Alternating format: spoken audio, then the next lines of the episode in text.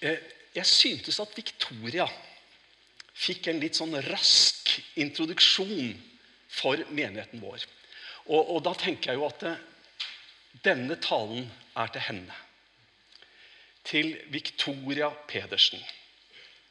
Og så er det slik at det, teksten den henvender seg jo først og fremst til en gutt. Forfatteren. En gnistrende kunstner. Altså, Forfatteren han har skrevet mange, mange dikt og ordspråk og masse ting. Eh, Kong Salomo, for han var konge også.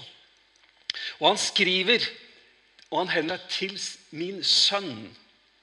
Men vi klarer å lage dette i en overført betydning, og vi forstår at det er noe som han har på hjertet til den oppvoksende generasjon. Og han skriver sånn Lytt, min sønn, til din fars formaning. Forkast ikke rettledning fra din mor. For det er en vakker krans om hodet, et kjede som pryder halsen din. Nå forstår jeg jo det at det, det er ikke så lett for Victoria å huske alt det jeg skal si. Og eh, så er det det at det, dette favner egentlig litt videre enn bare direkte fra Salomo til det som han sier 'Lytt, min sønn'. Jeg tror nok på mange måter at det, vi kan si det sånn at Vivian og Ole Magnus de kan jo formidle det videre. Og ikke bare det. Vi er her, og vi ber for en familie. Vi ber for Victoria, vi ber for Vivian Ole Magnus. Besteforeldrene, Vigdis og Reidar og Hanne Elisabeth og Bård Erik. Så har det tanter og onkler, det er familier, og det er en storfamilie.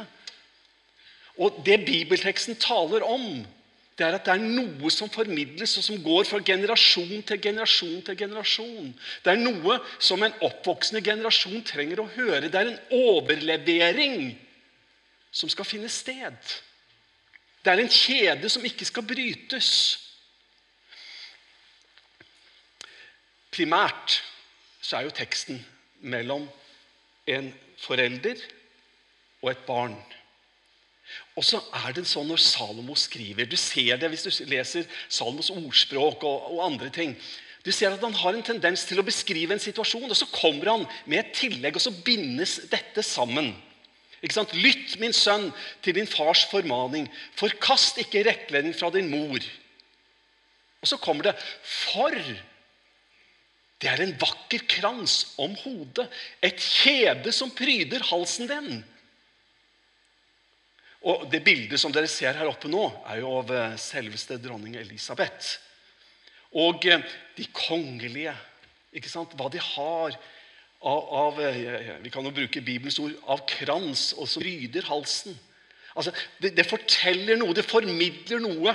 Og Salmo, hvis du leser bibeltekstene, så vil du se igjen og igjen og igjen så bruker han disse bildene for å formidle noe. For at de skal forstå at det er noe som, som gir en posisjon, det er noe som gir respekt, det er noe som gir verdighet, det er noe som gir betydning, det er noe som formidler noe. Og når Salomo sier at hvis du lytter til fars formaning og mors rettledning, så vil det skape noe i den som lytter. Det vil gi en posisjon. Og Da snakker vi ikke bare om menneskelig konkurranse, men det vil gi en posisjon, og det vil gi en trygghet og det vil gi en storhet det betyr noe. Det har en betydning, det gir en effekt. Å lytte til fars formaning og mors rettledning. Så kan du tenke på hva er det som er så viktig med å lytte til din fars formaning? Hvorfor er det så viktig at du må ikke forkaste rettledningen fra din mor? Og Så sier vi ofte at eh, Sammenhengen, altså kontekst, er så avgjørende for å forstå bibelordene. Og den bibelsammenhengen som dette verset står i, er egentlig nokså alvorlig. Det er eh, sterke ord, Men før jeg sier noe om det, så må jeg jo si litt til. Om Victoria, om familie, om betydningen. Når jeg så Victoria i dag, og når vi ser på bildet her For en nydelig, nydelig, nydelig barn. Og Når jeg ser på henne og Vivian og Ole Magnus Flotte, ressurssterke foreldre. Foreldre som ja, de vet ikke hva de kan få gjort godt nok for alt hva deres ønske er. Å gi Victoria den best mulige tenkelige start på livet og det best mulig tenkelige liv. Og så er det fire besteforeldre, Vigdis og Reidar og Hanne Elisabeth og Bård Erik, som er der for å være med og støtte og hjelpe. Altså, Når jeg ser en sånn familie, og jeg er så heldig at jeg ser det ofte, så tenker jeg å, kjære Gud. Alle barn skulle hatt det sånn, tenker jeg. Alle barn hadde fortjent akkurat det. Alle barn skulle hatt det sånn. En mor og en far og en familie som bare vil de godt. Vi hadde en samtale, eller Vidar hadde en samtale med Ann Kari. Og I menighetsbladet vårt Peter Kontakt desember 2022 så sto det sånn Ann Kari Nilsen kan ikke finne noe mer meningsfylt virke enn å hjelpe de nødstilte, som hun har et så stort hjerte for.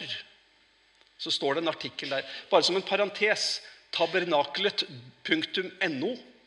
Og på media så kan du gå inn og lese alle menighetsbladene fra mange mange, mange bak igjen, og mye annet. Tabernaklet.no. Du kan høre tidligere taler. De ligger der, Alt sammen ligger på tabernaklet.no. Og Der ligger dette menighetsbladet, intervjuet med Ann Karin. Og du vet, Når vi tenker på at alle barn skulle hatt det sånn, så erkjenner vi at alle barn har det ikke sånn. Det er ikke alle barn som opplever den tryggheten som de virkelig hadde fortjent, og som er en menneskerett. Og da er det sånn at du og jeg, vi har en mulighet til å være med å hjelpe. Til å være med å støtte. Til å hjelpe mødre og fedre som ikke har alle de ressursene og alt det nettverket og all den støtten og hjelp.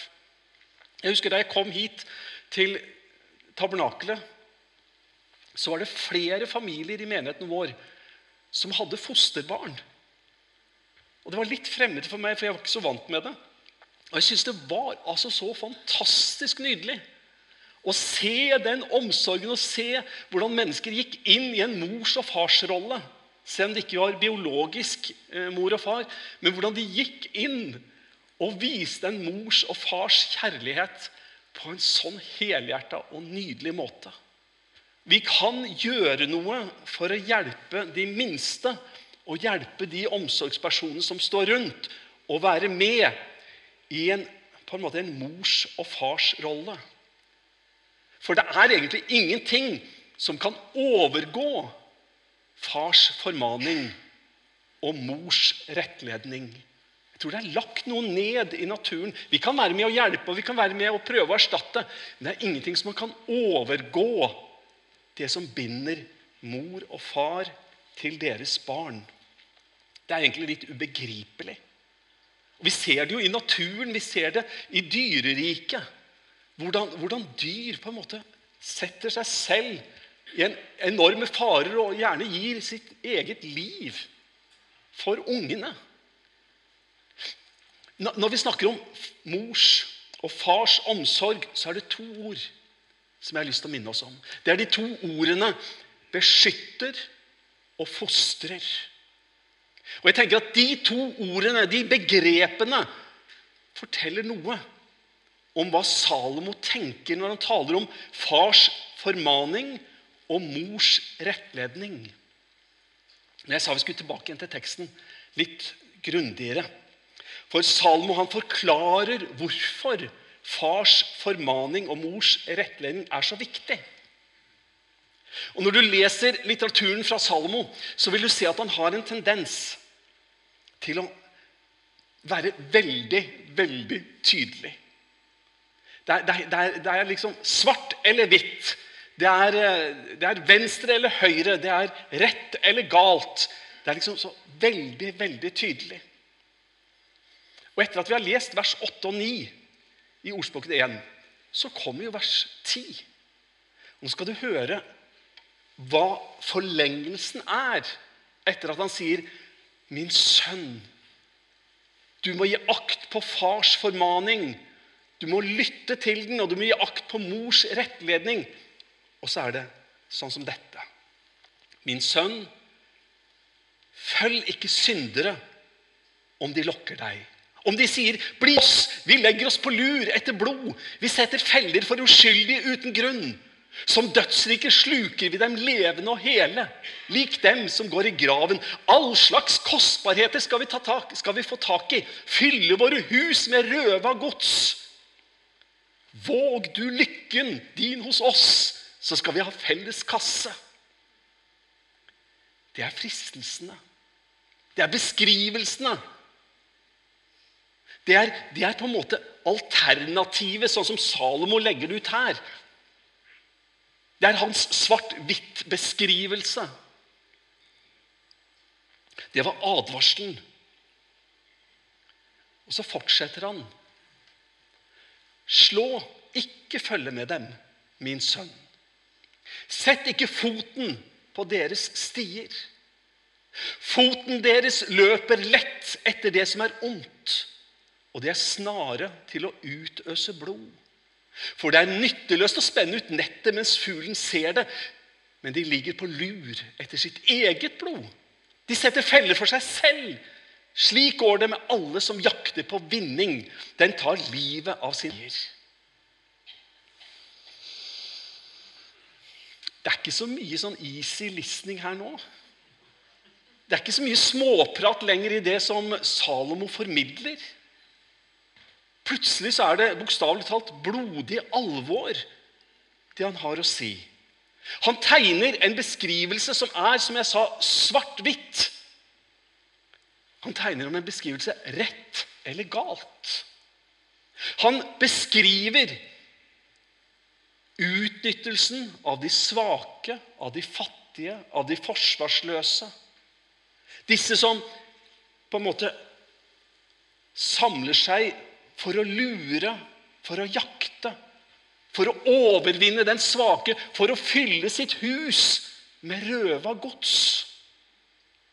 Det er det ene alternativet. Det er advarselen, og så er det beskrivelsen av hvordan det går til slutt. Og Salom skriver til sin sønn og skriver dette at du må lytte. Du må lytte og høre, sånn at man sier det. Lytt, min sønn, til din fars formaning. Forkast ikke rettledning fra din mor. Og vi kan sende en rød strek rundt ordet 'lytt'. Hvis du studerer ordet litt, så vil du se at det oversettes på veldig mange forskjellige måter.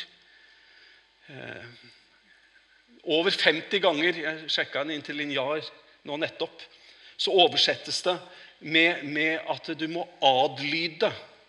Så det er ikke en passiv bare at du hører noe. Men det å lytte i denne sammen, det er å virkelig lytte og å handle og gjøre. Du vet, Jesus var jo opptatt med det. Husker du bibelfortellingen? Jeg skal minne deg om den. Husker du bibelfortellingen når Jesus fortalte om noen som drev og skulle bygge hus? Hør her. Vær den som hører disse mine ord og gjør det de sier, ligner en klok mann som bygde huset sitt på fjell. Regnet styrta, elven flomma, og vind blåste og slo mot huset. Men det falt ikke, for det var bygd på fjell. Altså, Det er disse som hører og gjør det ordene sier. Og det er det Salmo snakker om. Hør, min sønn, på din fars formaning. Lytt, forkast ikke din mors rettledning. Det er ikke nok at du bare hører, men du må handle, og du må gjøre. Dette er fra Dagbladet 12.11.2014. Håpet håper på ny verdensrekord med tolv meters høyt sandslott. Og av alle ting Jeg leste en indisk avis på engelsk. Eh, naturlig nok. Og, eh, og, og der sto det om en verdensrekord i Danmark. Altså En indisk avis på engelsk som beskriver en verdensrekord av, eh, av eh, Danmark. Jeg fant i ABC-nyheten etterpå, for jeg måtte sjekke om det var sant. Og, eh, og, og Der hadde de da bygd et, et sandslott som var 21 meter høyt. Og Den indiske avisen sa at det skulle stå helt til frosten kom i mars. Så det er kanskje ikke helt oppdatert på, på alt. Men, men, men har du sett noen gamle sandslott? Nei, jeg tror ikke det, vet du. Sandslott pleier ikke bli så veldig gamle. Dette sandslottet her i, i Brasil det, det skulle vi stå en måned eller to. Sandslott står ikke så lenge. Men Jesus talte om å høre og lytte. Å bygge på fjell, på et fundament som holder. Du vet Salomo gir en sånn svart-hvitt beskrivelse. Han taler om fars og mors gode råd for livet. Han advarer mot ondskapen og hva det vil føre til. Men den lista som han gir, og som jeg leste, den er jo nesten litt depressiv. Hvordan de lurer på uskyldig blod og alt dette som skal skje. Men Paulus hadde ei liste. Den er på en måte en liten motpol til denne her lista med beskrivelsen av elendighet og ondskap. Jeg skal avslutte med å lese litt av den lista. For Paulus skriver Men åndens frukt er kjærlighet, glede, fred, overbærenhet Vennlighet, godhet, trofasthet, ydmykhet og selvbeherskelse. Og du vet Når vi leser om åndens frukt, så leser vi om en prosess, noe som Gud gjør.